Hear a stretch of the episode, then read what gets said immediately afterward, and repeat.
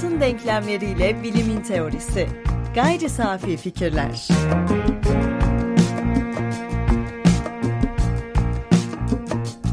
Gayri Safi Fikirlerin 79. bölümünden merhaba. Herkese merhaba. Ben Tansel Erdem Yılmaz. Ben Ömer Faikanlı. Bu bölümde bize ekşi sözlük üzerinden yazılan bir yorumdan hareket edeceğiz ve mega projeleri bilim felsefesi çatısı altında nasıl irdeleyebileceğimizi tartışacağız. Mega projeler son dönemde politik literatürle hayatımızda yer etmiş gibi görünse de tarihi çok eskilere gidiyor. Ee, çok uzaklara gitmemize de gerek yok. Mega projelerin en büyük özelliği göz kamaştırıcı olması bana göre. Yani işlevsellikten ziyade sunuma önem, önem veren ve sağladıklarından ziyade sunum biçimiyle değerlendirilen projeler, yapılar ya da şeyler olarak görüyorum ben. İsmindeki mega bile e, sadece bunun için var gibi biraz Türkiye'de kullanılan bir kavram mega projeler, e, mega buildings yahut mega projects. E, yurt dışında ya da mega star. Evet megastar. Belki yurt dışında da vardır megastar ama tabii ki Tarkan gibi megastar olabileceklerini zannetmiyorum. Şimdi böyle baktığımız zaman mega projelere piramitler de bir mega proje aslında. Dubai'de yer alan Burj Halife de bir mega proje. Mega projelerin mimari ya da işlevsel yanını tartışacak değiliz. Bizi ilgilendiren bu projelerin altında yatan ilginç bir bilimsel tortu var. Daha doğrusu var mı? Bunu anlamaya çalışacağız. Yani bir şeyi mega haline getirmek, onu olan yapılış biçiminin dışında yaratmaya çalışmak e, yeni bir teknoloji ihtiyacı doğuruyor. Bu teknoloji için bilimsel bir atılım gerekebiliyor. Fakat gerekmiyor olsa bile teknolojinin bilimle olan teması e, direkt olarak bilimi buraya dahil ediyor gibi görünüyor. Ben böyle görüyorum. Yani teknolojik tüm gelişmeleri bilimle açıklamak geleneksel hiyerarşiyle bağlantılı. Bazı teknolojik gelişmeler bilimsel gelişmelerin sadece temel özelliklerini alıp sonrasında mühendislik becerisiyle ilerliyor. Yani bir noktadan sonra burada bilimin yer olmadığı söyleniyor. Ee, daha doğrusu temel açıdan bilimsel verilerden faydalanılıyor. Ki burada da farklı tezler var. Belki podcast'in ilerleyen dakikalarında bunlara dahil oluruz ama mega projelerde işlerin biraz değiştiğini kabul etmek lazım. Sence bir mega projenin yahut projenin neden bilimsel bir ayağı, değeri yahut kıymeti olmalı? Ha, ben sana şöyle bir katkıda bulunabilirim. Mega proje dediğimde benim anladığım imaj artı realite. Yani ilk senin söylediğin e, o megaya özellikle vurgu daha çok imajla ilgili ve e, o ünlü reklamda olduğu gibi belki de imaj hiçbir şeydir, gerçeklik her şey. Tabii o reklam susuzluk her şey diyordu. Ama ben şöyle yaklaşıyorum, imajla realite örtüşebilir. Yani bunda çok büyük bir sorun yoktur. İmaj derken de herhangi bir şeyi zihninizde canlandırdığınızda veya onun adını duyduğunuzda veya ondan bahsedildiğinde aklınızda canlanan ilk görüntü diyelim veya da ilk böyle bir sözcükler ağı. Şimdi bu anlamda mega projeler evet güzel bir örnek verdim. Piramitler de birer mega projeydi. Yani bunun realitedeki mega kısmı büyük kaynakların seferber edilmesini gerektirmesi yani büyük bir karara dayanması. Şimdi buradaki bizim sorumuz yani bilim teorisi açısından veya da bilim incelemeleri açısından bu karar mekanizmasında bilim nereye düşüyor? Yani e, belki de o tartışmada yani e, güncel tartışmada bizim de bu işe başlamayan, bu tartışmaya başlamamıza vesile olan köşe yazısında söylendiği gibi karar verildikten sonra bilim bunun sadece nasıl yapılacağını mı yol gösterecek yoksa yapılıp yapılmayacağını yani bu tarz mega projelerin evet hayır kararında da aktif olarak rol oynayacak mı? Aslında bilimin konumlanması bu. Şimdi ben o makaleden şöyle bir bölüm almak istiyorum sadece. Ee, belki isim kullanmayacağız çünkü somut tartışmadan ziyade arkasındaki o soyut düşünce biçimi bizim için önemli. Mesela orada o köşe yazısını yazan gazeteci şunu söylüyor. Bu mevzu yani herhangi bir mega projenin yapılıp yapılmayacağı kararı esasında felsefe meselesidir özel olarak siyaset felsefesi meselesidir. Daha da özelde çeşitli politik felsefe ekollerinin şehir kavramına nasıl baktığına dair şehircilik tasavvuruna ilişkin bir meseledir. Şimdi burada şöyle bir durum ortaya çıkıyor. Felsefe derken tabii ki neyi kastediyoruz? Ama şunu diyelim konumlanışlar yani şehir, şehir dediğimiz, kent dediğimiz e, ağı, nasıl görüyoruz ve onu nasıl biçimlendirmek istiyoruz sorusuna verdiğimiz cevaplar bizim şehir tasavvurumuzu hatta şehir politikamızı ortaya çıkarabilir. Şimdi soruyu tekrarlarsam bilim bu politikanın neresine düşecek ve nasıl bir işlev görecek? Şimdi hemen devamında zaten problematik ortaya çıkıyor. Siyaset felsefesi zemininde mega bir projenin yapılmasını istemek de karşı çıkmakta sonuna kadar saygı duyulması gereken iki ayrı görüştür. Şimdi burada şöyle bir sorunumuz var. Çelişen hatta çatışan yani biri evet biri hayır dendiğinde İkisi de bir görüştür dediğimizde nihayetinde bu tarz projeler biraz önce söylediğim gibi bir kaynak organizasyonunu, bir kaynak transferini insan kaynağı dahil olmak üzere gerektiriyor. Dolayısıyla yapmakla yapmamak arasında çok reel bir fark var. Yani o kadar göreli değil. Peki bu farka dair kararı acaba biz bilgiye dayalı olarak verebilir miyiz? Yani bilgi temelli verdiğimiz kararların aynı zamanda bize belirli oranlarda öngörü gücü verdiğini biliyoruz. Yani bunu seçersem bu olur. Büyük olasılıkla, yüksek ihtimalle %100 diyemesek bile örneğin şunu hemen söyleyebilirim. Sıfırdan bir kent kuracağım. Fay hattı üzerinde bir kent kurmakla kurmamak arasında bir fark olabilir. Veya o kentin sınırlarını nereye kadar uzatacağım veya ne kadarlık bir sınırı tutacağım. Tuttuğum sınırda ne kadarlık bir nüfus, asgari insani koşullarda yaşayabilir. Bu bilgilere sahipsem o şehri kurmak veya kurmamak arasındaki karar oldukça farklı bir yere gidebilir. Yani şunu demek biraz risk almak olmaz mı? Hele bir yapalım. Şehir çökerse, yaşanmaz hale gelirse yanılmışız deriz. Yanlış politikayı izlemişiz deriz. Özür dileriz demek biraz fazla risk almak olmaz mı sence de?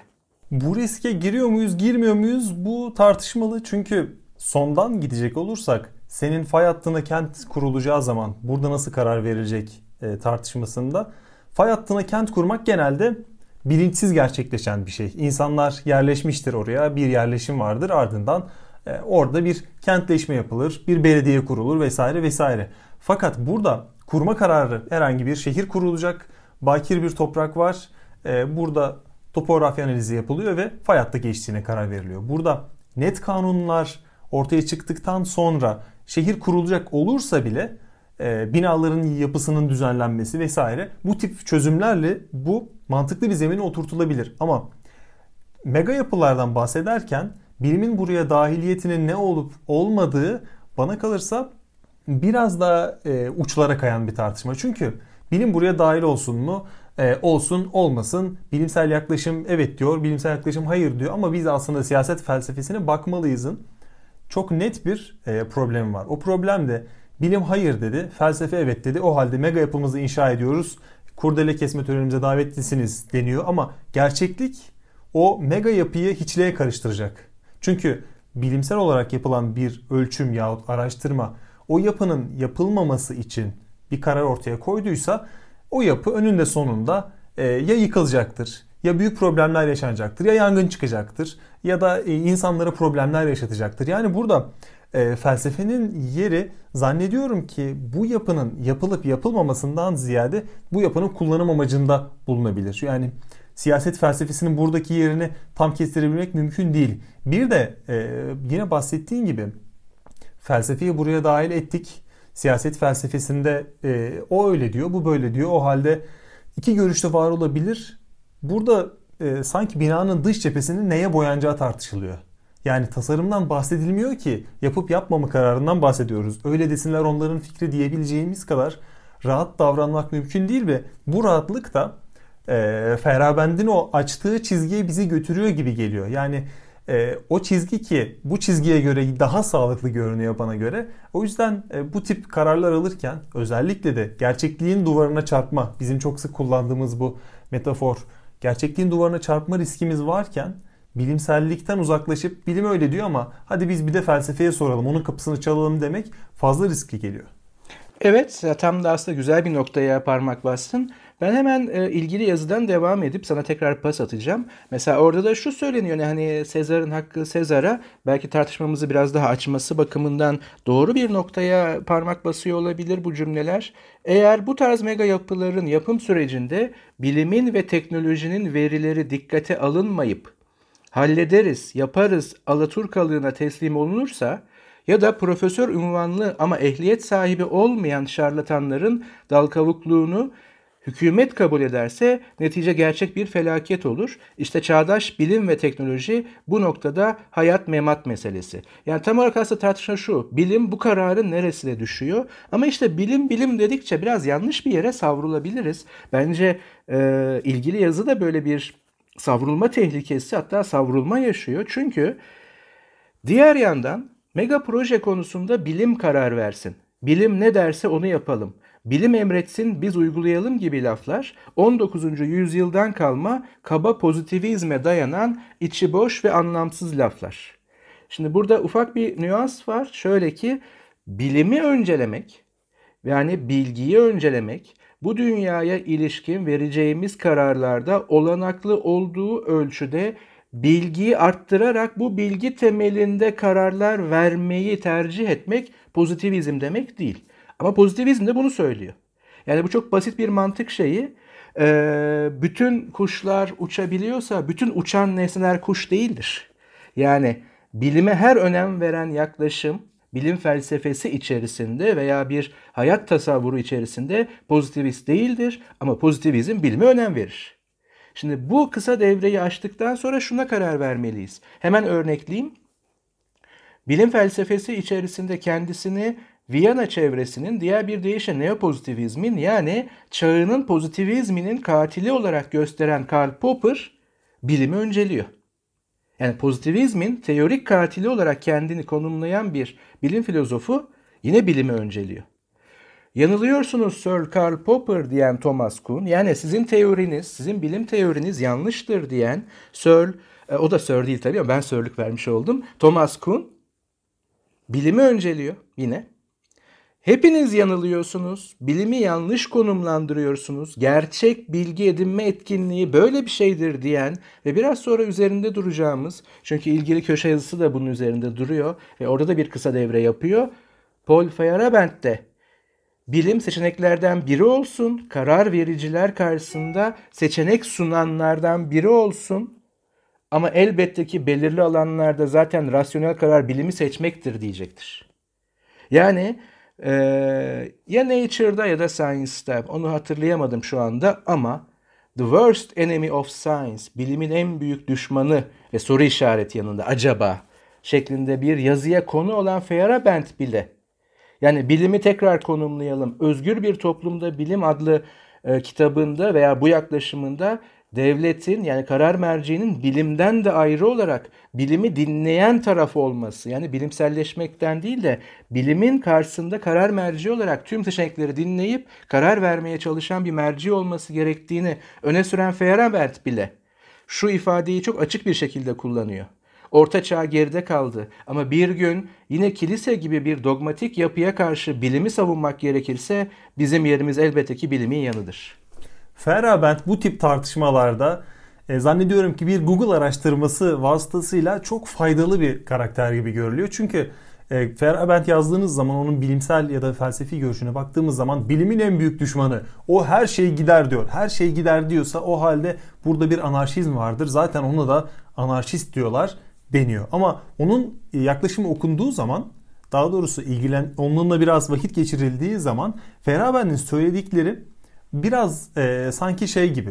Bu her şey gider. Bilimin karşısında biraz da diğerlerine söz verelim. Bilimi tahtından indirelim diyenlerle dalga geçer gibi. Çünkü onlar e, o dalgaya kapılıp Feyerabend okumaya başladıklarında bir 50 sayfa okumanızı bile onun bilimin yerine başka bir şey koyalımdan ziyade bilim her şeyi çok net ortaya koyuyor olabilir ama bilim insanları ve onların otoriteleri her zaman tartışmaya açık olmalıdır şeklinde özetleyebileceğimiz bir fikre evriliyor ve bu da herkese mantıklı gelebilecek bir yaklaşım. Onun vurgusu çok farklı ve onun vurgusundan yola çıkarak ve bu makaleden de yola çıkarak bilimi öncelemenin bir karar olup olmadığı bence tartışmaya açılabilir. Çünkü Aşı karşıtlığıyla hortlayan hastalıklardan bahsediyoruz son birkaç ayda, birkaç yılda.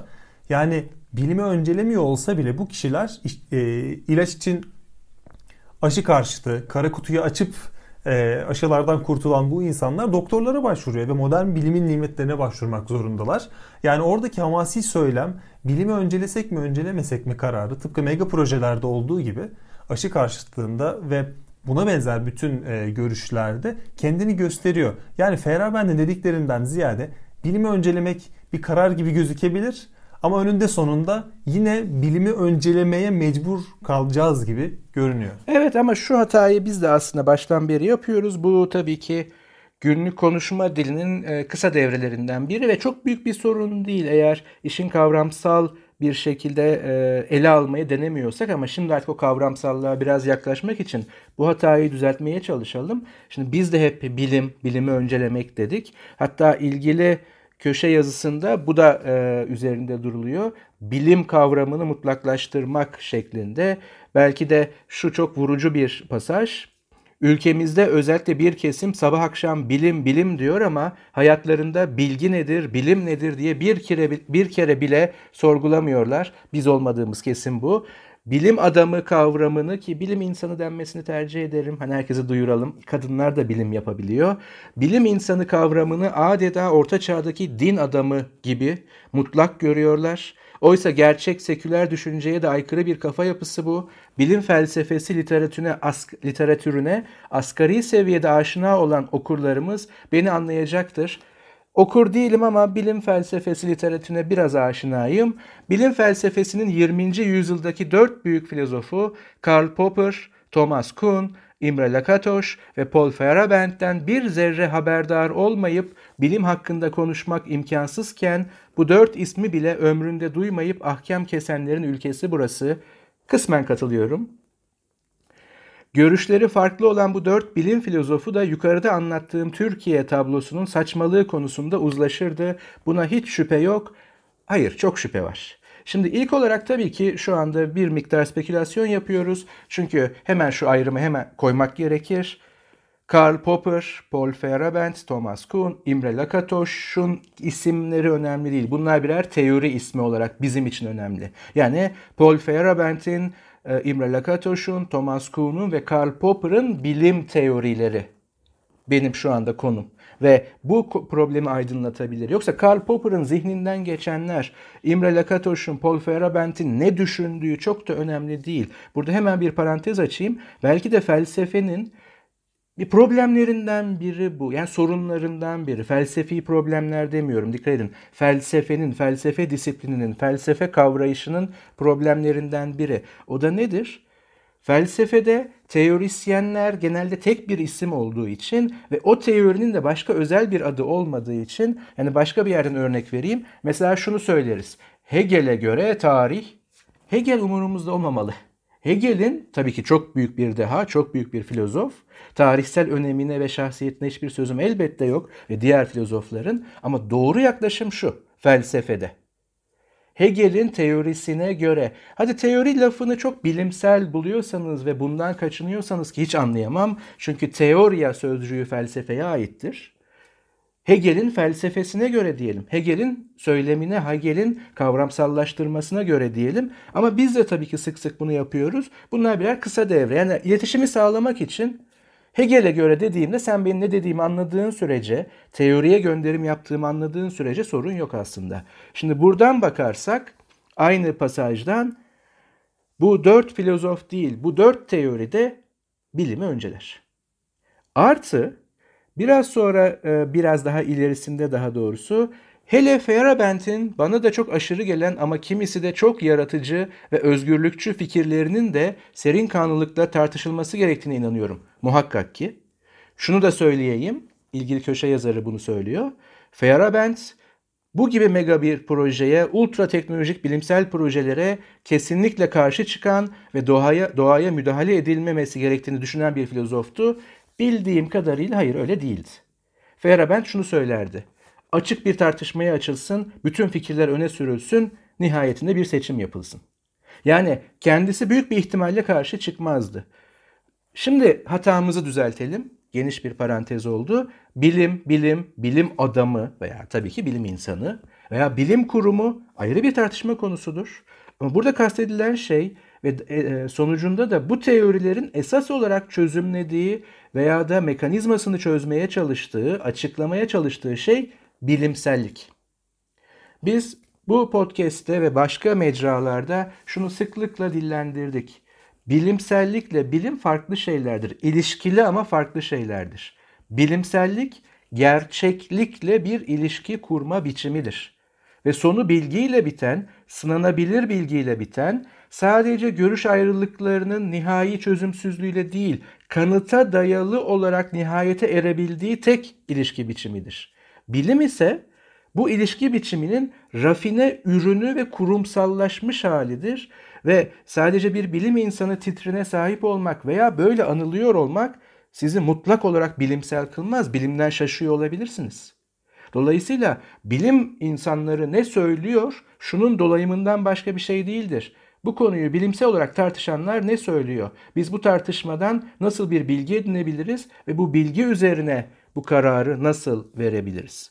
Şimdi istersen buradan yavaş yavaş esas kahramana yani aramızdaki dördüncüye belki de Feyerabend'e geçebiliriz. Feyerabend'e geçelim. Feyerabend'e dair e, sana soracağım çok şey var. Ama bu e, incelediğimiz köşe yazısının senin not ettiğin kısmında yani bilim adamı kavramını adeta orta çağdaki din adamı gibi mutlak görüyorlar. Oysa e, gerçek düşünceye göre vesaire vesaire diye devam eden bir cümle var. Burada bilim adamını orta, orta çağdaki din adamı gibi mutlak görüyorlar yahut X'i kutsallaştırıyorlar. Bu genel tartışmalardaki uçlara çekme e, an, yaklaşımıyla ilgili gibi geliyor bana. Yani bilimsellikten bahsederken e, onu da kutsallaştırmayalım ama demek güzel kutsallaştırmayalım ama kutsallaştırma tartışmayı e, zora sokmak için ortaya atılmış bir argüman gibi. Çünkü ortada kutsallaştırılabilecek bir şey yok. Kendini zaten yanlışlamak için süre gelen bir yapıdan bahsediyoruz.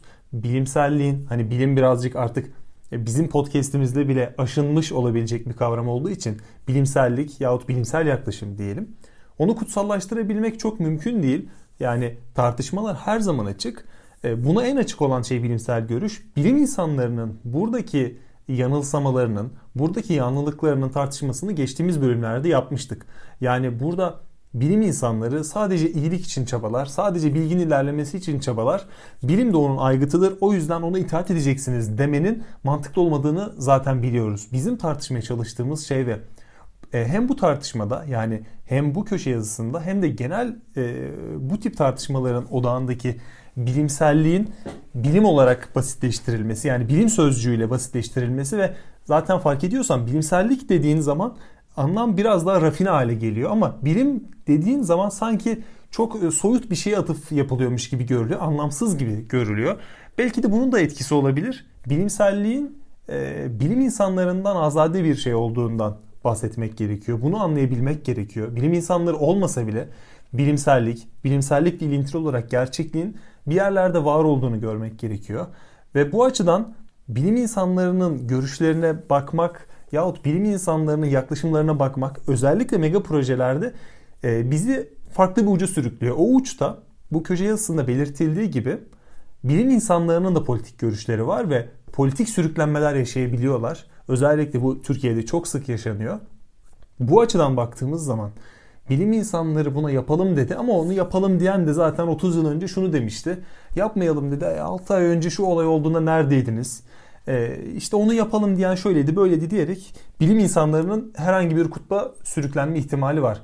Ki e, halen bilimin ve bilim etkinliğinin çoğunlukla devletlerin güdümünde gerçekleşiyor olması özellikle bunu Türkiye özeline çekecek olursak yurt dışında biraz daha farklı işleyebiliyor. Özellikle vakıf yönetimleri yahut e, bağımsız fon kuruluşlarıyla gerçekleşebiliyor. Özellikle Amerika'da ki Amerika'daki üniversitelerin bu denli özgür olabilmesinin bir sebebi de budur.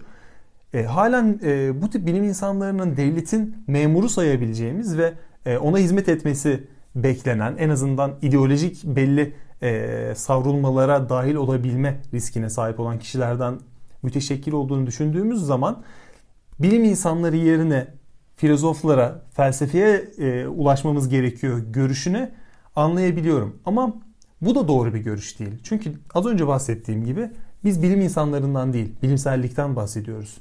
Bilim, bilim insanları, bilim daha doğrusu bu çalışmalarda duyduğumuz üzere bilim mega yapılarının X yapısının yapılmasını istemiyor.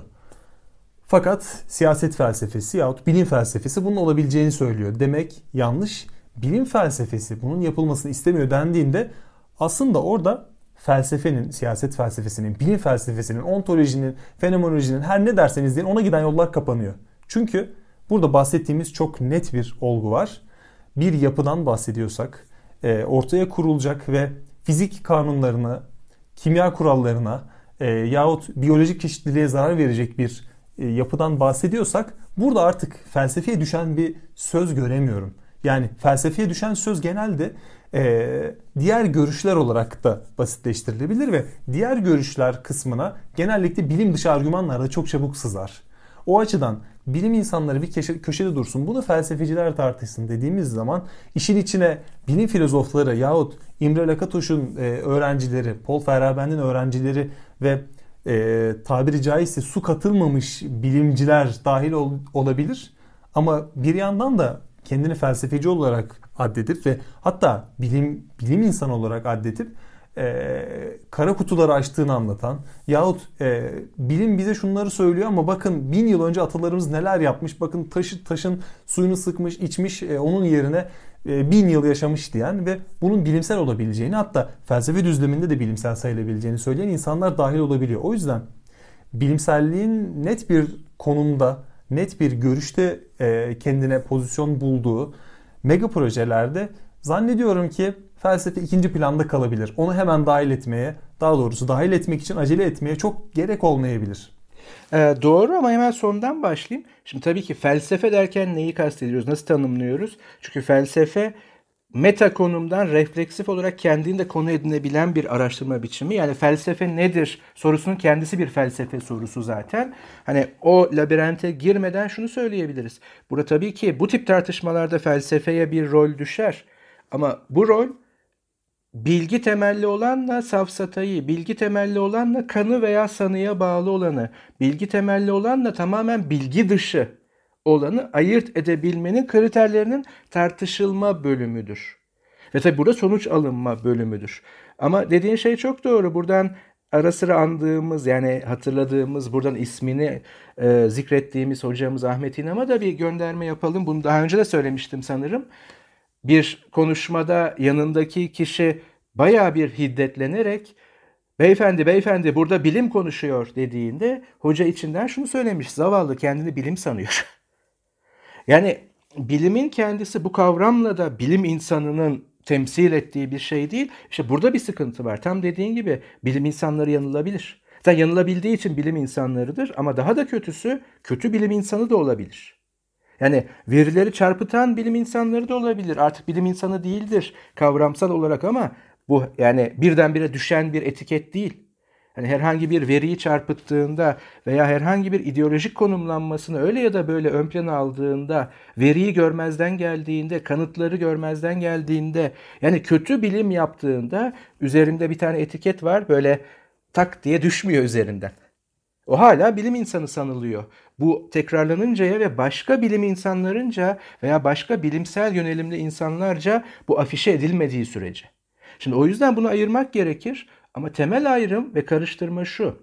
Bir kurum olarak bilim kurumlarını mutlaklaştırmak evet tehlikeli. Çünkü o zaman o kurumdan icazet bekleme veya o kurumun ağzının içine bakma metaforik olarak bizi başka bir yere götürür. Ama bu çok farklı bir şey. Çünkü orta çağın özellikle orta çağ vurgusu yapılıyorsa din adamı aktarıcı veya aracıydı. Yani mutlak hakikatin kaynağı olan Tanrı'yla onu anlayamayacak olan sıradan insanlar arasında bir aracıydı. Dolayısıyla aslında aktardığı iddiasında olduğu, aracı iddiasında olduğu şey ona ait değildi. Onun tarafından bile sorgulanamazdı. Kaldı ki onun ne diyeceğini bekleyen insanlar tarafından sorgulanabilsin. Oysa bilim insanı ister iyi ister kötü olsun bu etiketi hak ediyorsa kendi yaptığı bilimsellik temelinde ürettiği bilgiyi ve bu bilgiye dayalı sonuçları paylaşan kişi. her bir ifadesinde. Yani mega proje yapılsın veya yapılmasın derken ister birey olarak bir bilim insanı, isterse de bir bilimsel kurumun sözcüsü veya o bilimsel kurumun temsilcileri bunu söylediğinde kendi yaptıkları bilimsellik temelinde ürettikleri bilgiye ve bu bilgileri sonuçları paylaşıyorlar. Ve bunlara dayalı rasyonel kararlarını açıklıyorlar. Bu bağlayıcı bir karar değil o anda. Ama bu yola giden, bu kararı sınayabilmemizi sağlayan, bu temelde üretilen bilginin yöntemi açık. Yani orta çağın din insanına gidip de herhangi bir fetvasında kendi kültürümüzün terimleriyle söylersek nereden çıkardın bunu diyemezsiniz. Dur bir de ben bakayım bu doğru mu diyemezsiniz pek çok sebepten dolayı. Ama bir bilim insanına hangi yöntemle bu verileri elde ettin ve burada herhangi bir açık var mı, tahribat var mı, bilerek seçme, cımbızlama var mı sorabilirsiniz. Artı bu tetkikleri bizzat siz yapabilirsiniz. Tabii ki belli bir temel bilgi gerekir ama yöntemin sınanması herkese açık. İki, kanıtlar. Kanıtlar herkese açık olduğu için kanıt. Yani hiçbir bilim insanı şunu diyemez. Ee, ya Mısır'da piramitlerin yapılması uygun değildir. Seçilen bölge çok yanlıştır. Artı bu kaynağın bir insanın mezarı olarak harcanması, bu kadar insan kaynağının ve maddi kaynağın rasyonel değildir. Kanıtın ne? O kanıtları siz bulamazsınız, bilemezsiniz demez. Kanıtların bunlar, bunlar, bunlar der. Ve yine sınanabilirdir bu kanıtlar. Elde edilmeleri, yöntemi, kendileri, tespitleri, teşhisleri ve ilişkilendirilmeleri. Ve son olarak sonuçlar. Yani bu piramidi buraya yaparsanız bakın bu olacak. Bu sınanabilirdir. Deneylere konudur. Yani makro bir şeyi mikro bir yerde deneyebiliyoruz. Yani biz CERN laboratuvarında bir elektron fırlatıp çekirdeği parçalayıp parçacıklar üzerine deney yapabilen bir çağdayız. Gidip yani evrenin bütününe bakmıyoruz bunu yapmak için. Yapay bir ortamda bunu yapabiliyoruz. Düzenlenmiş bir ortamda. Benzer mega proje girişimleri özellikle doğayla ilgili olduğu için bunların deneyleri yapılabilir. Ki zaten bu temelde konum alanlar yani bilimselliği önceleyenler bilimsel olarak bunu bir tartışalım diyorlar. Benim uzmanlığım veya bizlerin uzmanlığı ilgili doğa bilimlerinde veya yer bilimlerinde olmadığı için biz elbette ki izleyici konumundayız ama izlerken araştırabiliriz. İzlerken karar verebiliriz. Bu öyle her iki fikre de saygı duyma noktası değildir. Biri yanlış çünkü. Eğer deniyorsa ki bu tarz bir mega proje geri alınamaz ekolojik felaketlere sebep olacak. Bu ya doğrudur ya yanlış. Ve bunu biz bugün bulabiliyorsak kararı bunun üzerine vermek çok daha akıllıca olacaktır. Çünkü eğer yanlışsa böyle olasılığa falan vurulabilecek bir şey değil. Hatta işte burası politika ne kadar bir risk alacaksınız. Eğer yanlışsa ve ekolojik felaketler oluşursa dönüş olmayacak.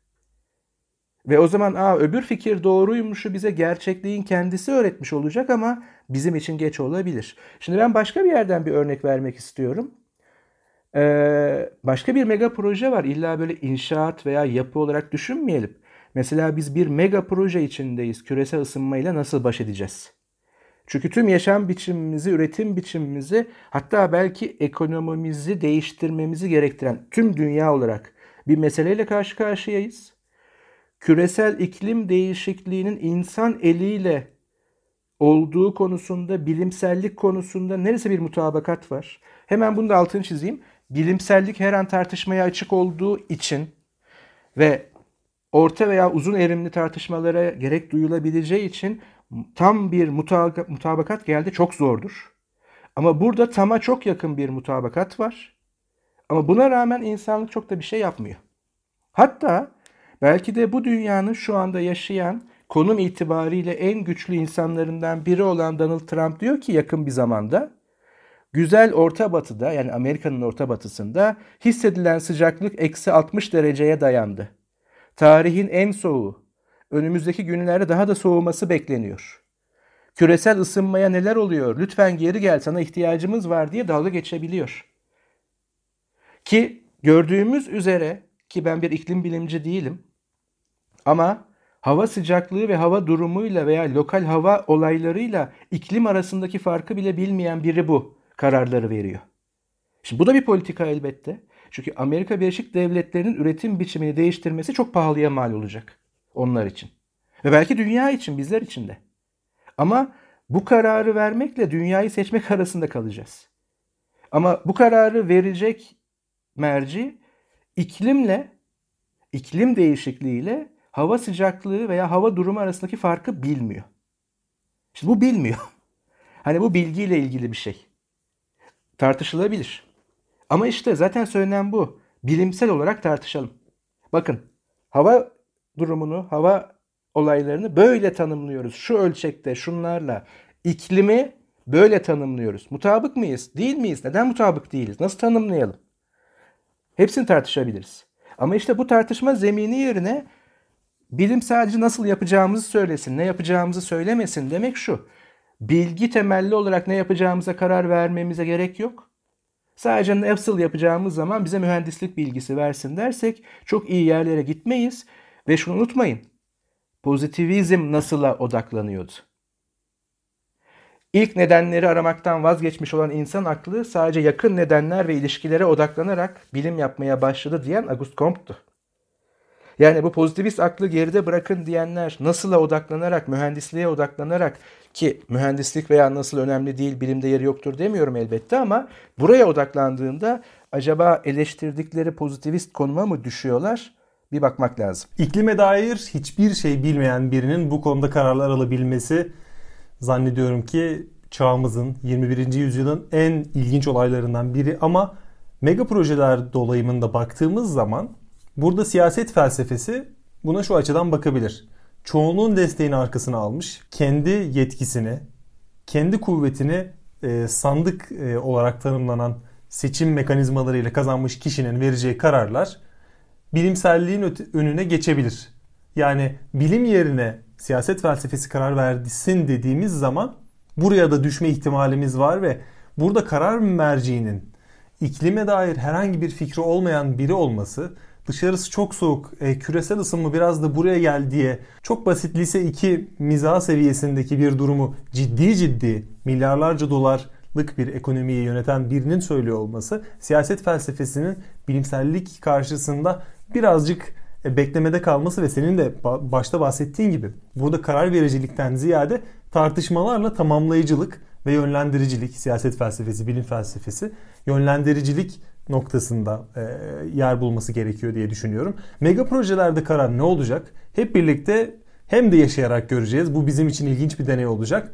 Ama biz önümüzdeki hafta biraz bahsettik ama e, adını anmış olduk. Paul Feyerabend'in mega projeler hakkında ne düşünebileceğinden bahsedeceğiz. Aramızdaki dördüncü olduğu için ona e, ve onun yaklaşımlarına ses vermek, basit tahminlerde bulunmak ne olur göreceğiz.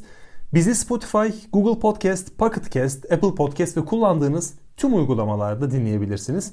YouTube'da yeni görüntülü projelerimiz var. Bizi YouTube'da takip edebilirsiniz. Twitter'da gayri safi fikirler adıyla her zaman bulunuyoruz iTunes'dan Ekşi Sözlük'ten bizi eleştirmeniz, övmeniz ve yorumlamanız için bekliyoruz.